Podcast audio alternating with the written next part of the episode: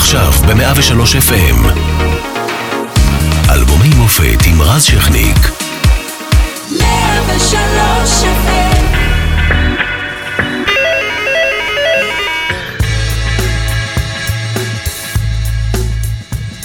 שנת 1994 הייתה שנה של ניגודים, מצד אחד תחושה של מזרח תיכון חדש. יצחק רבין והמלך חוסיין חותמים על הסכם שלום היסטורי בין ישראל לירדן, והמדינה מתרגשת. פריצת דרך אה, מושגת גם עם הפלסטינים, רבין וערפאת חותמים על הסכם קהיר. וכפועל יוצא, רבין, ערפאת ופרס זוכים בפרס נובל לשלום. אבל במזרח התיכון יש גם את הצד השני, ישראל מזדעזעת מטבח מערת המכפלה. שמסעיר את האזור. באותה שנה המדינה נכנסת לאבל כבד אחרי חטיפת נחשון וקסמן, זיכרונו לברכה, ומותו של הקצין המחלץ ניר פורז, זיכרונו לברכה. באוקטובר של אותה שנה העצב גובר עם פיגוע קשה בקו 5 בתל אביב. במעבר חד בעולם מחזירה לעצמה ברזיל את הגביע העולמי במונדיאל 94 ומנדלה נבחר לנשיא דרום אפריקה. קורט קוביין האחד והיחיד הולך לעולמו. ובמוזיקה שלנו תורה של איפה הילד לאלבום שני מעולה ממש, שדים ויש יותר ממישהו ששומע אותם.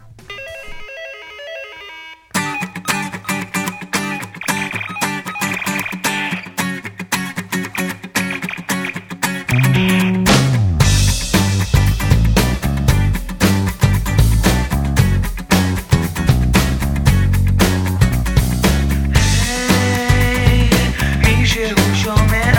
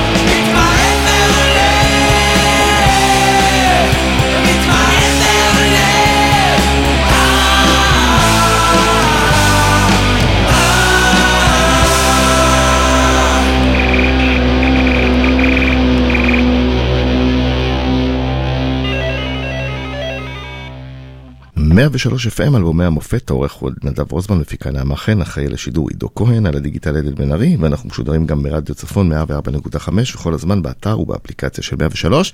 והיום אנחנו על האלבום השני של איפה הילד שדים, ואיתנו אסף שריג, חמי רודנר, אהלן. שלום, שלום, ערב טוב.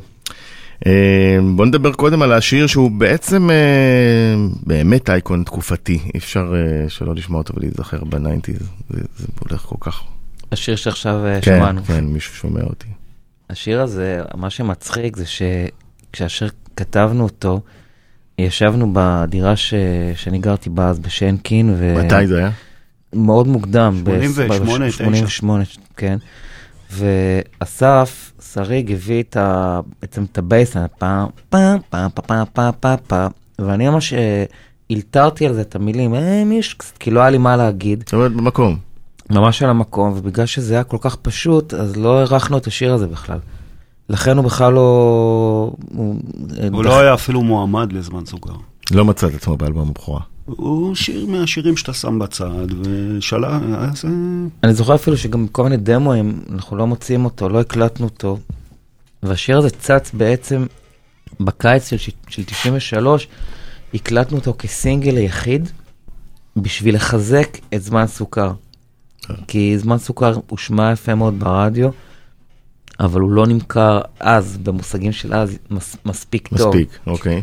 וזה היה בעצם אה, רעיון של חיים שמש, שהיה ראש המחלקה הישראלית בעד ארצי, אה, של, של נביא עוד איזה סינגל, ובאמת מי ששומע אותי זה מה, ש, מה שהביא ל- לפיצוץ, לפתאום שעשה אותנו בעצם אה, מה, ש- מה שאנחנו. והשלמת את הכתיבה ואת הלחן? אני חושב? שהוא היה כבר גמור. הוא היה גמור. אבל אה, בעצם גילינו אותו מחדש. כן, נזכרנו בו פתאום, אמרנו, אנחנו צריכים משהו קליט, משהו פשוט, משהו זה, הופ. כשבעצם. הכותרת היא משאת נפשה של כל להקה. מישהו... נכון זהו, אולי לא, ל-94 ול-93, היום החוקים השתנו לחלוטין, כמובן. אבל uh, באמת רק, רק בדיעבד, בעיקר אחרי שכל מיני אנשים כמו פיטר רוט ומאיה בלזיצמן עשו לשיר הזה קאבר, אני גם הבנתי שלשיר הזה יש איזושהי משמעות. גם עשו בכל מיני כן, די. תוכ, תוכניות ריאליטי וזה.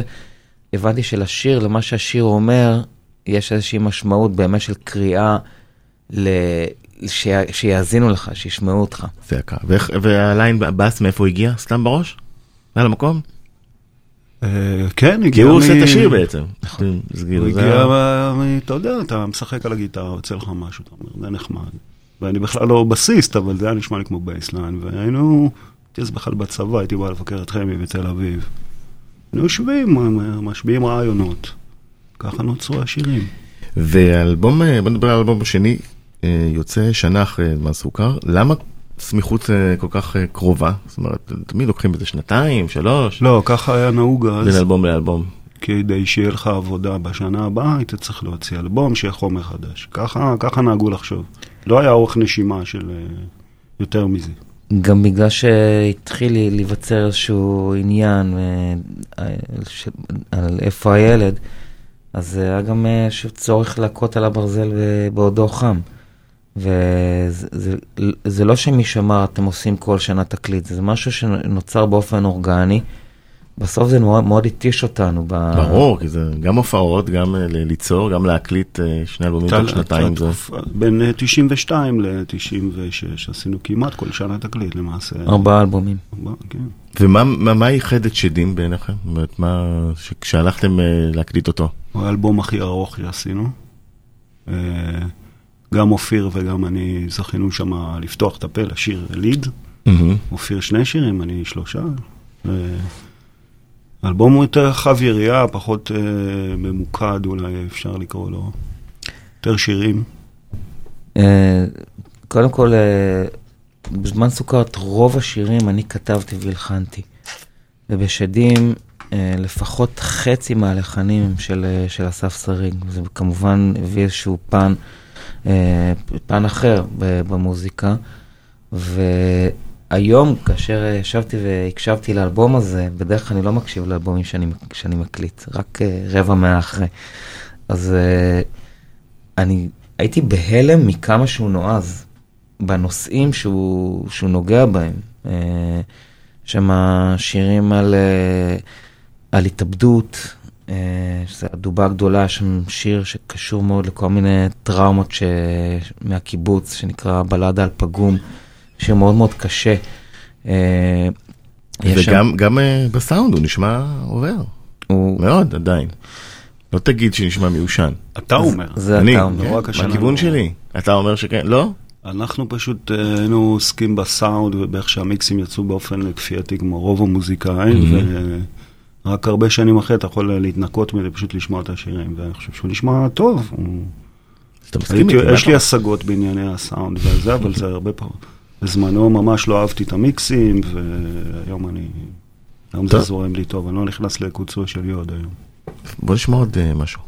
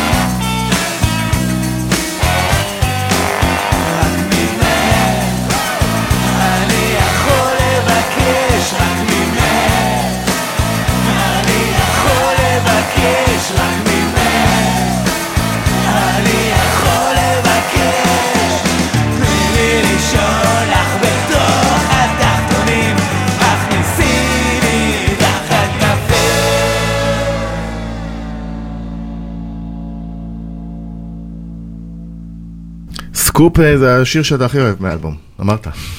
פשוט בהופעות שאנחנו מנגנים אותו, יש בשיר הזה, הוא, מאוד קשור למוזיקה שחורה, שזה בעצם תמיד מה שאני, תמיד מה שרציתי לעשות, ותמיד בדרך לשם, איכשהו יצאה המוזיקה שלנו.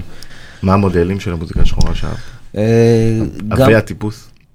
גם כזה, אפילו מייקל ג'קסון, אתה יודע, אה, אני תמיד רציתי שהמוזיקה שאנחנו עושים תהיה מוזיקה לריקודים. ותמיד, אני חושב שלקחו אותנו בתור איזה מין להקת רוק כזאת עם distortion, ודה, דה, דה, כזה אפלולית ו... אבל אה, שעשתה מוזיקה קומ- קומוניקטיבית, לא חושב נישתית, שעשינו כי דברים- הייתם קונצנזוס. היינו די אה, מגוונים מבחינת ההשפעות שלנו, גם מוזיקה, פאנק באיזשהו מקום בשיר הזה, אבל המון רוק, המון אה, 60's, איזה להקות היו בראש שכתבתם את המוזיקה? אה, זה עולם שלם שלם. אסף שריג הוא פרופסור אה, אמריטוס למוזיקת פופ, וגם אני יודע לא מעט. יש לנו המון השפעות, למזלנו. אה, אלה שאנחנו גונבים מהם זה אה, כאלה שאף אחד לא מכיר. לא, לא אוקיי. ממש, זה לד זפלין מכירים. לא, לד זפלין כן, אתה אומר, פנימית. אי אפשר להשוות למדנס, למשל, אתה אומר. אתה אמרת. ספציפית, מה הסיפור של בתוך. התחתונים? אה, בטח, מדנס אדירים. זה, זה היה כאילו, הרבה מהשירים, הלחנים היו קודם, הרבה, רוב השירים שלנו הם ככה. ואני אוהב לעשות הרבה, הרבה פעמים אה, טקסטים שיש בהם אה, גם נמוך וגם גבוה, זאת אומרת, יש שם את האזכור לביאליק, הכניסיני תחת כנפך. מצד שני, זה שיר פרוורטי לחלוטין, בן אדם שרוצה לעשות את האחות שלו. ושוב, אני אומר שאני הקשבתי לאלבום, הקשבתי לו כ- כמקשב, ואני באמת הייתי בהלם מכמה, ש... מכמה שהוא הנועזות. נועז ופרוורטי, ויחי הפרוורסיה. בסדר גמור. יש שם אחלה כלי נשיפה של נכון. אה, אברהם פלדר. ויוסי פלד, אה, יוסי אה, רגב, יוסי רגב. טוב. כן. נשיפה. ויובל שפריר כמובן הפיק את האלבום, השני שהוא עשה, ש- השני והאחרון שהוא הפיק לנו, הפיק לנו עוד כמה שירים בהמשך. יפה. אה, הצליח לו, אפשר להגיד. עשה כן. עבודה מעולה, מאוד. שני כן. אלבומים. צריך להזכיר שאנחנו חוגגים 25 שנה בעצם לאלבום. 25 שנה. כן, הוא הוקלט בעצם בתחילת אה, שנת 94. כן. הוא שוחרר בתחילת 94. תחולת ב... נכון. שוחרר במאי לא, הוא שוחרר, 94. כן, כן. לא- ואתם מצ'פרים את הקהל בהופעה שתכלול את כל שירי האלבום. שביעי כן? לפברואר. שביעי בפברואר בברבי בתל אביב. נכון. לכן הכל האלבום, רצועה רצועה. אנחנו נעשה כנראה את כל האלבום. כל שיר האלבום. אה, נארח את אה, אביגיל קוברי ולהקתה. ואת אלון עדר. בעיבודים המקוריים או כזה? אנחנו לא עם נביא- זה. לא נביא כלי נשיפה כנראה, אבל... אה, יש כמה שירים שאני חושב שבאלבום לא הגיעו למלוא הפוטנציאל שלהם, אה, שאפשר אה, קצת לשחק איתם. כמובן לא, לא על העיתים הגדולים, אבל דווקא שירים שיותר מתחבאים, שהייתי רוצה, שהייתי רוצה, אני הייתי רוצה לשחק איתם קצת בעיבוד. זה כיף. באלבום בשבוע. אחרי אתם תהיו בחיפה, בזאפה. נכון. אה, מן הסתם לא רק על האלבום הזה, אבל... אה, גם ניתן בראש. כדרכנו. ולנטיינס דיי נעשה. לוי לוי. אה, נחזור לאלבום ולשדים הירוקים.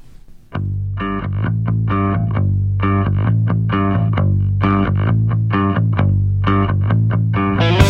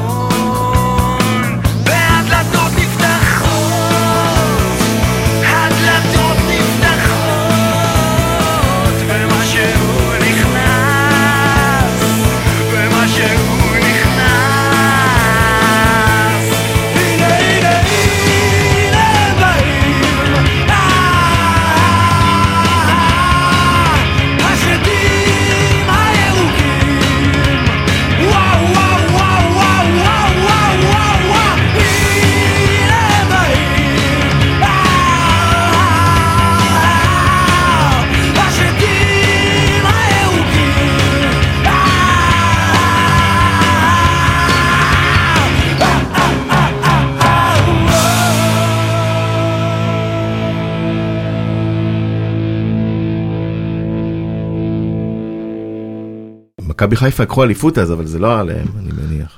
האמת היא שזה שיר בכלל על תופעת החייזרים, שאז מאוד ביקרו אותנו הרבה, כנראה. פשוט המילה חייזרים היא מרובת. מרובת העברות, אז שדים נכנס יותר טוב כנראה. ולמה אבל- קראתם לאלבום שלי? כי האלבום הזה יש בו ממש, זה אלבום של שדים, יש יש בו גירוש גם- שדים, יש בו הרבה, יש בו שני שירים שיש את נכנס בך השד של אופיר והשדים נכון, הירוקים, כן. וגם כל השירים האחרים, כמו בתוך התחתונים והבלדה על פגום וגם לבן בחלום שחור, זה שירים ממש שיש בהם, אה, זה, זה מין טקס של גירוש שדים כזה. אה, יש בהם הרבה, משהו מאוד מאוד אפלולי. וגם באמת, אנחנו אנשים שמתמודדים שדים, כל אחד, אה, גם בלהקה וגם אה, בכלל בחייו. בח- בחיים. ו- ושוב, הדבר באמת המוזר, זה שזה היה ממש סוג של מיינסטרים בתקופה זה פשוט קצת אה, קשה להאמין היום. גם היום זה מיינסטרים, מה זאת אומרת? קונצנזוס. זה זה מיינסטרים בגלל שזה יצא אז, וזה קיבל, קיבל את התווית של מיינסטרים ב nineties. היום זה לא היה נכנס לרשימת שידור. אני חושב שמישהו שהיה. כותב שירים כאלה אז, היום מתעסק ב- בנושאים האלה, אה, בחיים לא יכול להיות מיינסטרים. איך ה- איך קיבלו את זה אז? ביקורות, נגיד, ב- אני בעיתונות? חושב שדי רכבנו על ההצלחה של אה, זמן סוכר, וזיהינו שיש לנו שיר אחד מאוד חזק, אחד כבר יצא, מישהו שומע אותי בלבן בחלום שחור, ואמרנו בישיבה בעד ארצי, אנחנו נוציא על סינגל אחד ואז את האלבום, וזה עבד טוב, הוא מכר מאוד תוך חודש הוא הגיע לזהב. אז העיתונאים חיבקו, גם. הביקורות, אה. ביקורות חיבקו מקיר לקיר, לא בטוח, כן? כן, ממש, אפילו יותר, מה, יותר מהאלבום הקודם, כי האלבום הקודם עוד לא, זמן סוכר, האלבום הבכורה, הם לא ידעו מה, תהו על קנקננו, אבל כאן, בגלל שהוכחנו את עצמנו, וגם בגלל שיש פה באמת להקה טובה, עם אה, שירים טובים, אז הביקורות היו מקיר לקיר. וזה בעצם, נכון, הסוף של דור הרוקסן, אפשר להגיד. 94 כבר. 94 סגירה, רוקסן לא? היה לקראת סגירה. אתם 95 הייתם הסמל שלו. של הדור הזה, של ה... נכון? אנחנו היינו אחת הלהקות שהופיעו שם הרבה, כל הלהקות של סוף ה eighties, תחילת ה nineties. הופיעו הרבה ברוקסן, אני חושב שהוא נפתח בשנת 90, וכולם הופיעו שם, זה היה כמו הברבי של היום. אנחנו בכלל בהתחלה לא, לא נתנו לנו להופיע שם. באמת. לקחנו הרבה, כי לא משנה, אני לא יודע למה, אולי לא היינו טובים מספיק, אני לא יודע. לא, אבל הופענו שם די הרבה. אחרי זה באמת, בסוף, ברור. ב- לא, עוד לפני שנהיינו... ב-92-3 נהיינו להקה מאוד מאוד בולטת שם ב- בסצנה.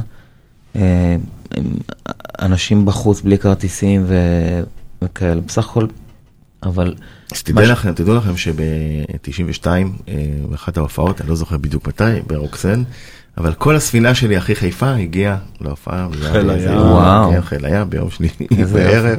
ואיך זה הרגיש? באנו. כולם מחיפה להופעה. ומעניין אותי באמת איך זה הרגיש מהמקום של, האנשים שעשו את רוקסן, בעצם זה היה קהל. זה היה מטורף. כן? היה, כן. מה, מה, מה אתם הרגשתם? ו... כאילו שאתה נמצא באיזה חלום אמריקאי שהביאו אותו למזרח התיכון ובבועה של רוק ותל אביב ומוזיקה והכל בסדר, הכל יהיה בסדר. לא יאומן. כן. אה, נמחק בשנת 95 כמובן. שנה אחרי, כן. כן, אה, לא. כן, נכון. סליחה ש... סליחה שאפשר. אסף, שגיליתי. אם אתה רוצה מצב רוח טוב, אסף הוא האיש. תמיד על הבוקר. זה לא אתה, זה המציאות. זו המציאות. אה, נלך אה, לדובה הגדולה.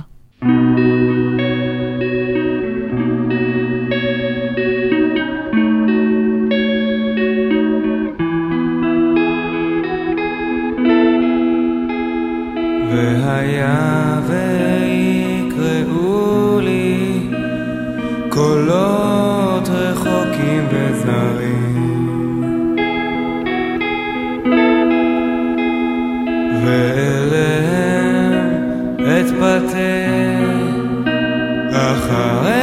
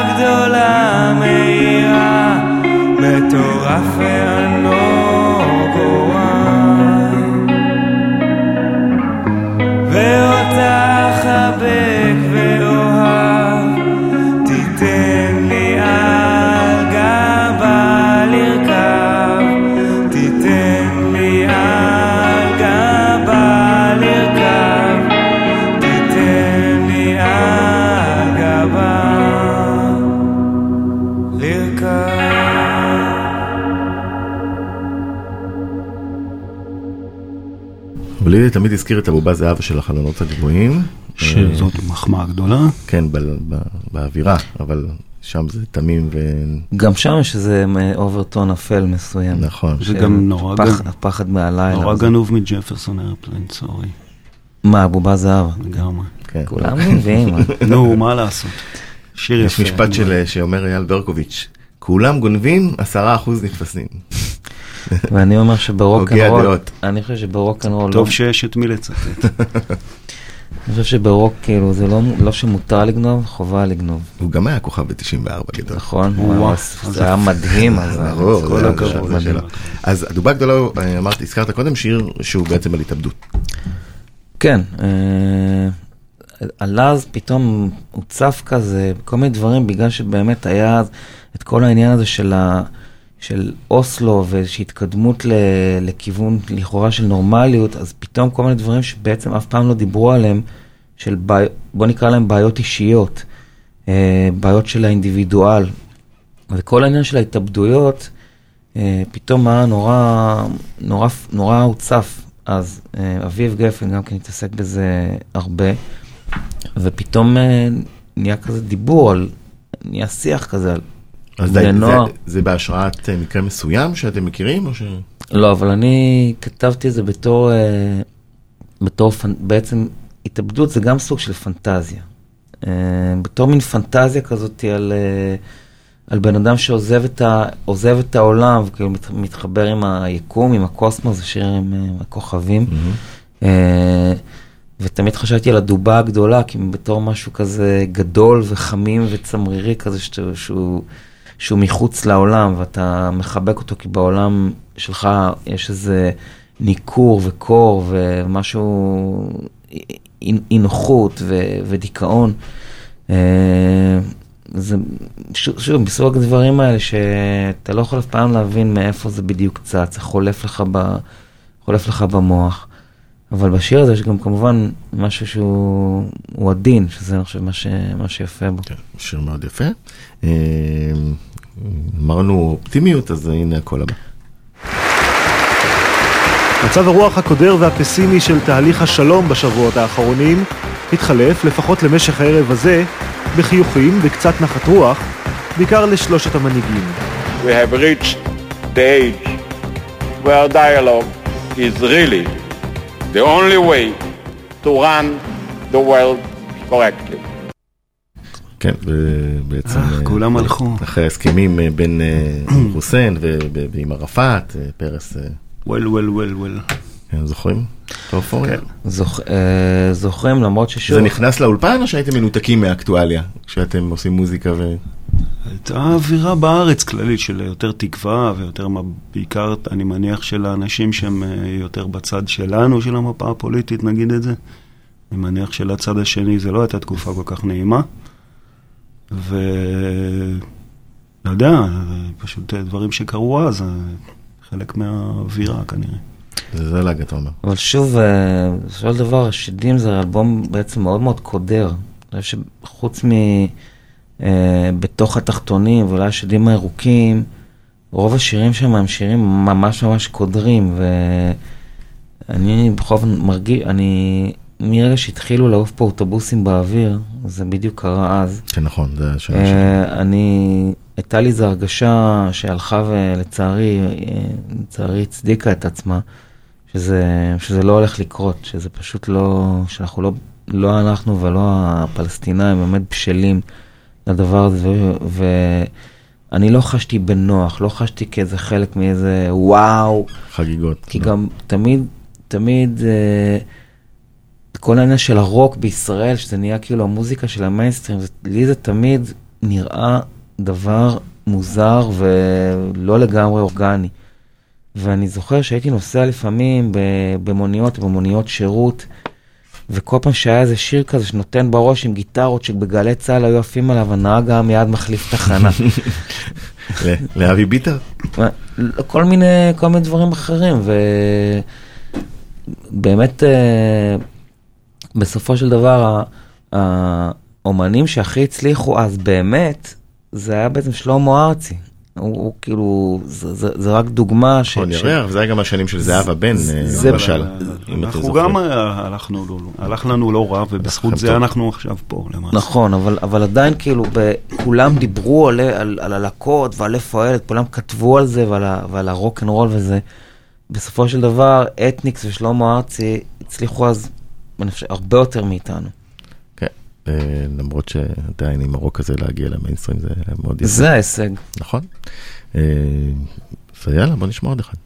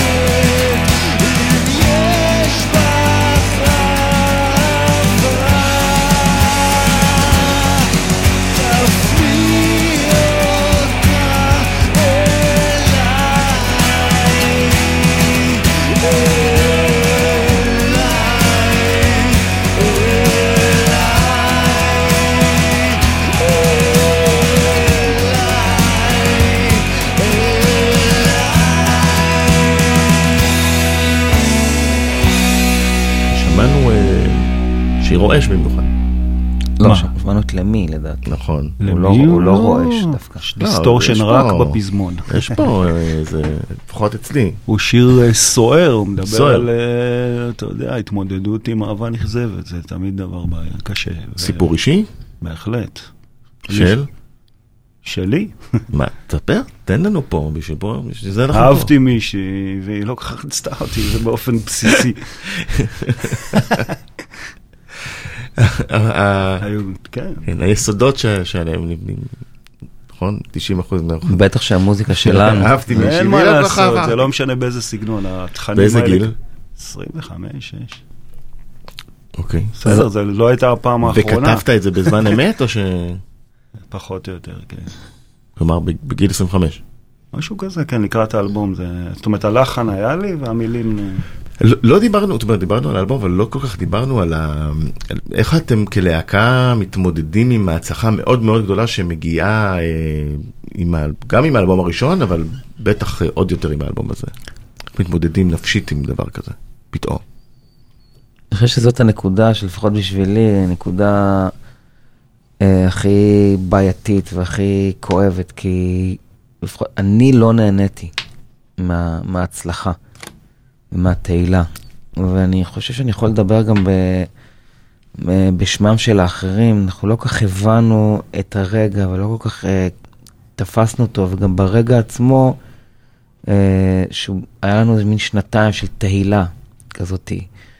זה ארוך- זה זמן ארוך. אה, ב- וברגע עצמו, אני, זה פשוט לא היה מה שחשבתי שזה יהיה, מכל מיני אספקטים, אבל... לא ב- נהנית מהחיבוקים של המעריצים, מתשומת הלב? לא, זה מה- בעיקר, תשמע, זה בעיקר, אה, בעיקר אה, הפחיד אותי, כי אף פעם לא היינו, אה, לא, אני תמיד חשבתי שאנחנו מעין להקת בוטיק כזאת. עכשיו להקת בוטיק שתמכור קצת ויהיה לה קהל נאמן, שילווה אותה ב, במקומות... מסעות ברחבי הדרך. בדיוק, ופתאום זה לאיזשהו רגע נהפך באמת למין סוג של היסטריה. ורדפו אחרינו, ו... וטלטלו את הוואן. ו... אני זוכר ביקור שלנו בקניון בבאר שבע, שפשוט היה איש אבטחה אחד, ופשוט הסתערו עלינו אה, עדר של, סליחה, כאילו, להקה של איזה 20-30 בנות, ופשוט באו לקרוא לנו את הבגדים. שזה נחמד בדיעבד, אבל זה די הפחיד אותנו בזמנו, כי...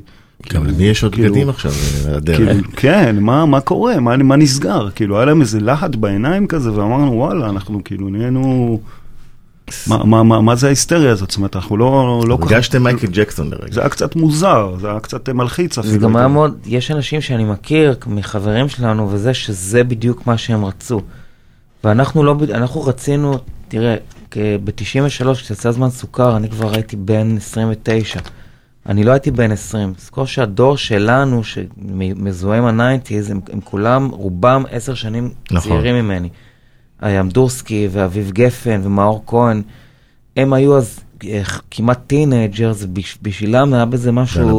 נכון, זה היה יותר טבעי. ואני כבר הייתי בן אדם על סף השלושים שלו, ו- ובכל אופן הסתכלתי וראיתי את ה... והרגשתי את הדברים קצת אחרת. ו- ובאמת זה היה מאוד מאוד לא צפוי שאיפה הילד תהפוך להיות אה, אה, להקה גדולה ב- בישראל. זה משהו שאף אחד, בטח שלא אנחנו בכלל בנה על זה, ואנחנו אנשים קצת ביישניים וקצת דיכאוניים ו- וקצת אה, קצת עם חרדות וזה, ו... בעצם הרגע שעכשיו שאנחנו חווים איפה הילד, מאז שהתאחדנו לפני עשר שנים, הוא בשבילי רגע הרבה יותר מזוקק והרבה יותר נכון גם בדיאלוג שלנו עם, ה- עם הקהל שלנו. כשאתה רואה שאנשים באמת באים בשביל לחוות ולהיסחף עם המוזיקה ולא להיסחף עם איזושהי תופעה אופנתית. וגם עם הזיכרונות הנעימים שלהם מאז. כן, המשפט החוזר על עצמו, החזרתם. אותנו לגיל 17. לגמרי. היו המון אנשים בני 17. אז בואו נחזיר עוד הרבה מאוד אנשים לגיל 17, שימו לב.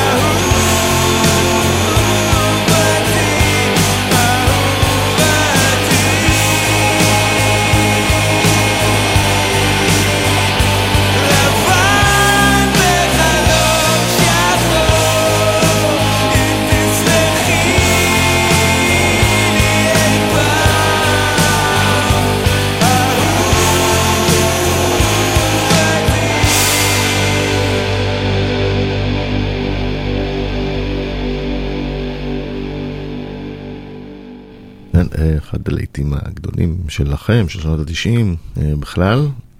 איך נכתב ועל מה? זה דווקא חמי העלה את זה לא מזמן.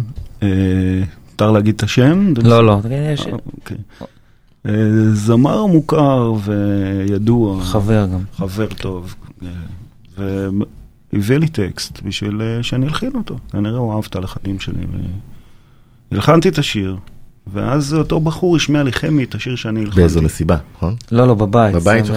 ו- גרנו אז במין קומונה כזאת, ביוחנן הסנדלר. וחמי אמר, אה, אוקיי. כל ואז. התקשר אליי מיד ואמר, מה פתאום אתה נותן את הלחן הזה לטוט? הוא שלנו. ואמרתי לו, אבל אה, בן אדם נתן לי, זה ביקש שאני אתחיל. חמי אמר, בשום פנים ואופן לא. הוא דיבר עם הבחור והשיר נהיה שלנו. לא, הוא כתב לו, כתב לו מילים אחרות. אמרתי לאסף, אני יכול לכתוב טקסט בוא יותר. תראה שתוך חמש דקות אני כותב לך טקסט יותר טוב.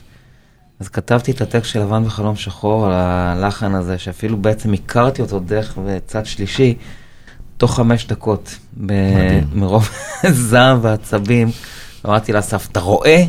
אבל אני באמת חושב שהשיר הזה הוא אולי השיר הכי, מג... כאילו, define, מה שנקרא, של, של רפאל. זה מבחינתי, זה זה מאוד מאוד nineties. היהלום שבכתר. ומה היה הרעיון של הטקסט? אה, בשבת בראש? זה פשוט, זה שיר בעצם על מוות. אה, היה אז המון בהלה מאיידס וחרדה כזאת קולקטיבית. וכל חשבתי על הקשר הזה בין אהבה לבין מוות. כל השיר הזה מתעסק בעצם בקשר שבין אהבה למוות, וכך יצא השיר. וואלה, אז זכינו. וזכיתם. אבל אנחנו זכינו. ההתעקשות שלך, שלך אה, הביאה לכם את אחד הלהיטים. זהו, אני גם... בהחלט, אני מאז אתה לא מתווכח איתו?